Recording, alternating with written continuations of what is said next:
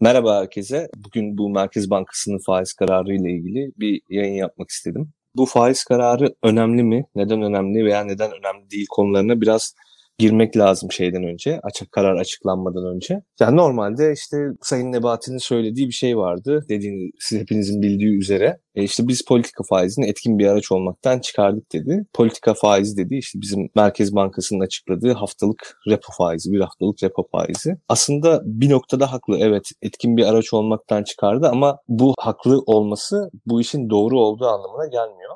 Normalde politika faizi çok etkin bir araçtır finansal istikrarı sağlamak için. Maalesef bizim ekonomimiz şu an o araçtan yoksun. Zaten karar birazdan açıklanacak ama biraz böyle ne olur ne biter ne olabilir onlardan biraz bahsetmek isterim. Şimdi şöyle ki biliyorsunuz en son Amerikan Merkez Bankası 75 bas puanlık bir faiz artırımına gitti. Bu çok uzun süredir yaptığı aslında en büyük faiz artışı. Daha sonra da Amerikan Merkez Bankası Başkanı %2'lik enflasyon hedefini koruduklarını ve mutlaka bu enflasyon hedefi tutana kadar faiz artışlarına devam edeceklerini söyledi. Şimdi haliyle böyle olunca Türkiye gibi benzer ülkeler veya işte yine gelişmiş bazı ülkelerde bir faiz artırımı sürecine girmişken Türkiye bu sürecin dışında kaldı. Şimdi bu noktada ben açıkçası Merkez Bankası'nın ilk üç, geçen sene hatırlıyorsanız ilk faiz indirimine başladıklarında Merkez Bankası Ocak, Şubat, Mart aylarını gözleyeceğiz. Sonra faiz indirimlerine devam edeceğiz demişti. En son faiz indirimi yaptıktan sonra. Fakat Ocak, Şubat, Mart geçti. Hala bir faiz indirimi yapamadılar dünyadaki bu durumdan dolayı. Aynı zamanda Rusya-Ukrayna savaşı da bunda çok önemli bir etken. Böyle olunca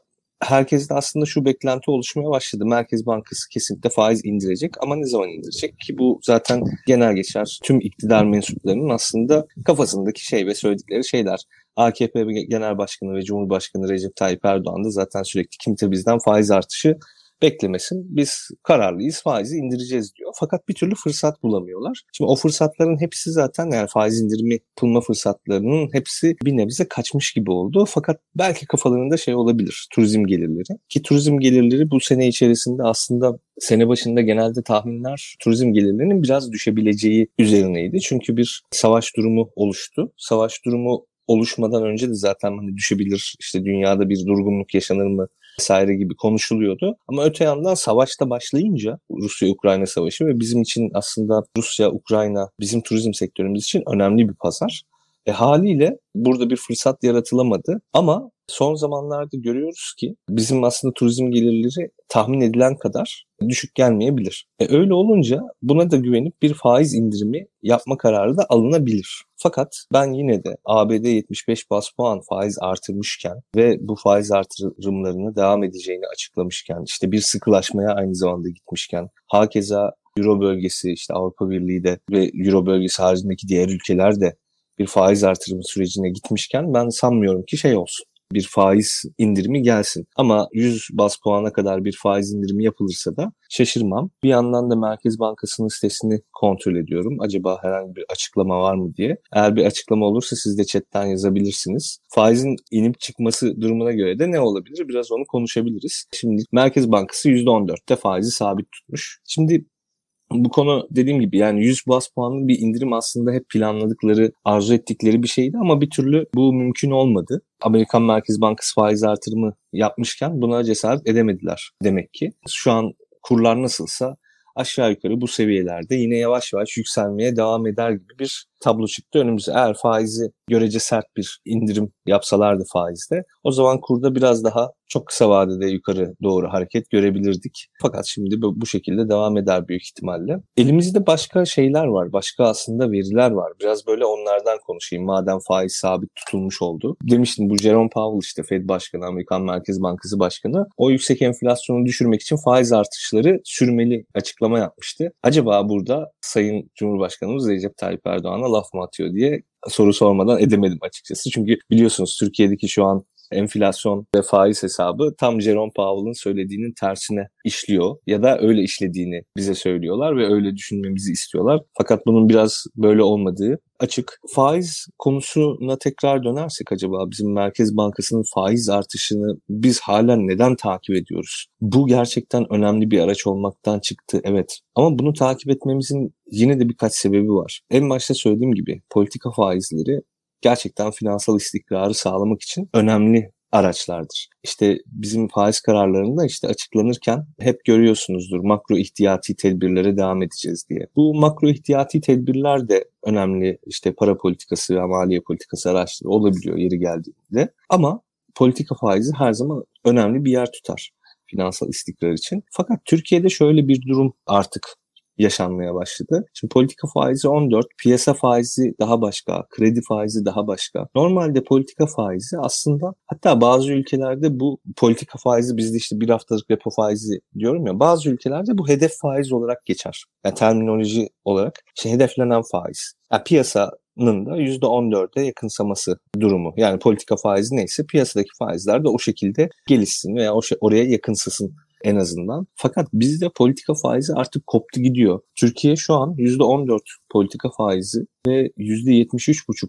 enflasyonla net yani daha doğrusu reel faiz eksi 59,5 oluyor. Yani siz eğer %14 faizle paranızı bir yere koyarsanız enflasyon %73,5 o da resmi enflasyon. İşte farklı araştırma gruplarının açıkladığı enflasyonlar daha farklı biliyorsunuz. Hadi yine de resmi enflasyonu alalım biz. Bunu ortaya koyarsanız aslında bir yıl içerisinde eğer sistem böyle devam ederse paranızın %60 oranında eridiğini göreceksiniz. Yani daha doğrusu paranızın alım gücünü eridiğini göreceksiniz. Bu bu anlama gelir. Ve baktığımızda dünyada enflasyonla faiz, politika faizi arasındaki uçurumun aslında en fazla olduğu ülke Türkiye. Bu hem tasarruf sahiplerine yapılan bir kötülük hem de enflasyonu körükleyen bir şey. Yani, yani paranız değer kaybediyorsa kardeşim siz bu parayı harcarsınız. Yani başka bir seçeneğiniz yok çünkü. Birkaç seçenek eğer çok fazla paranız varsa orada belki birkaç seçeneğiniz olabilir. İşte emlak değerleniyor olabilir. İşte gıda sıkıntısı var dünyada. Hani biraz tarla tapan alayım işte gıda işlerine yatırım yapayım vesaire diyebilirsiniz. Ne bileyim arsa yatırımı yapabilirsiniz.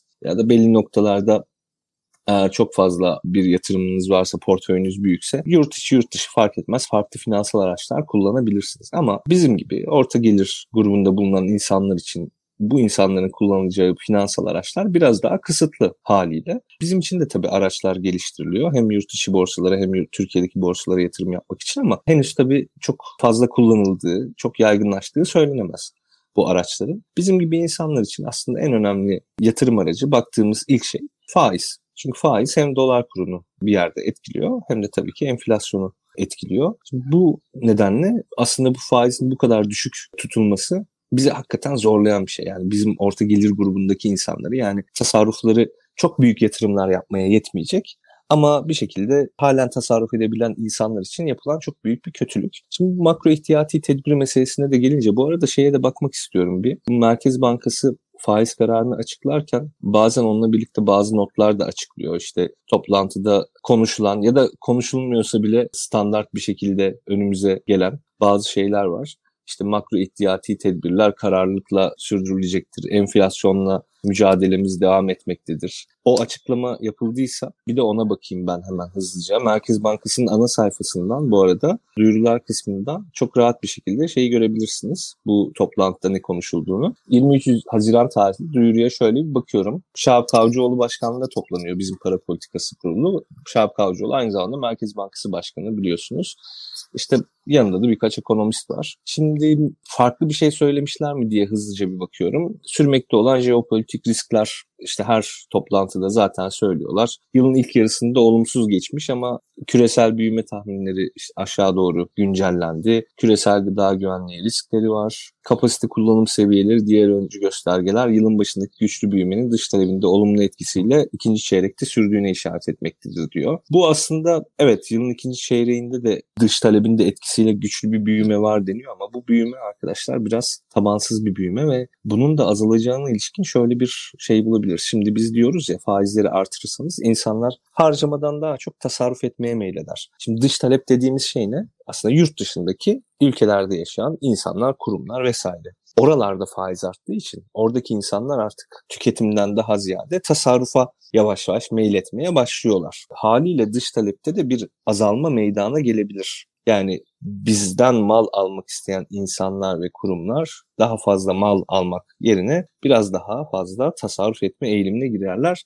Ve dış talepte orada bir yavaşlama sürecine girebilir. Tabii şeyden bahsediyor. Turizm kaynaklı iyileşmelerden, enerji fiyatlarından kaynaklanan riskler ki aslında enerji fiyatları sanırım gözlemlediğimiz kadarıyla uzunca bir süre bir şekilde böyle devam edecek gibi duruyor. Çünkü Rusya-Ukrayna savaşı uzadı ve orada savaşın biteceğine dair böyle çok güçlü emareler yok ama Orada enerji fiyatlarını bir nebze aşağı çekecek bazı hareketler geldi Avrupa'dan. Birkaç gündür aslında siz de belki görüyorsunuzdur. Almanya ilk başta sonra da Hollanda enerji üretiminde kömür kullanımını tekrar yanlış hatırlamıyorsam 2023 yılına kadar sınırsız hale getirdiler normalde enerji üretiminde kömür kullanımına bir sınır koymuşlardı. Bu yeşil politikalardan dolayı özellikle Avrupa Yeşil Mutabakatı ve o sürece uyumdan dolayı. Fakat güvenlik riskleri, enerji riskleri, işte kışın enerjisiz geçme riski çünkü Rusya'dan doğalgaz teminini azaltmak istiyorlar. Rusya da zaten doğalgaz vermemek istiyor çok fazla. Aslında vermek istiyor da tabii savaş devam ettiği için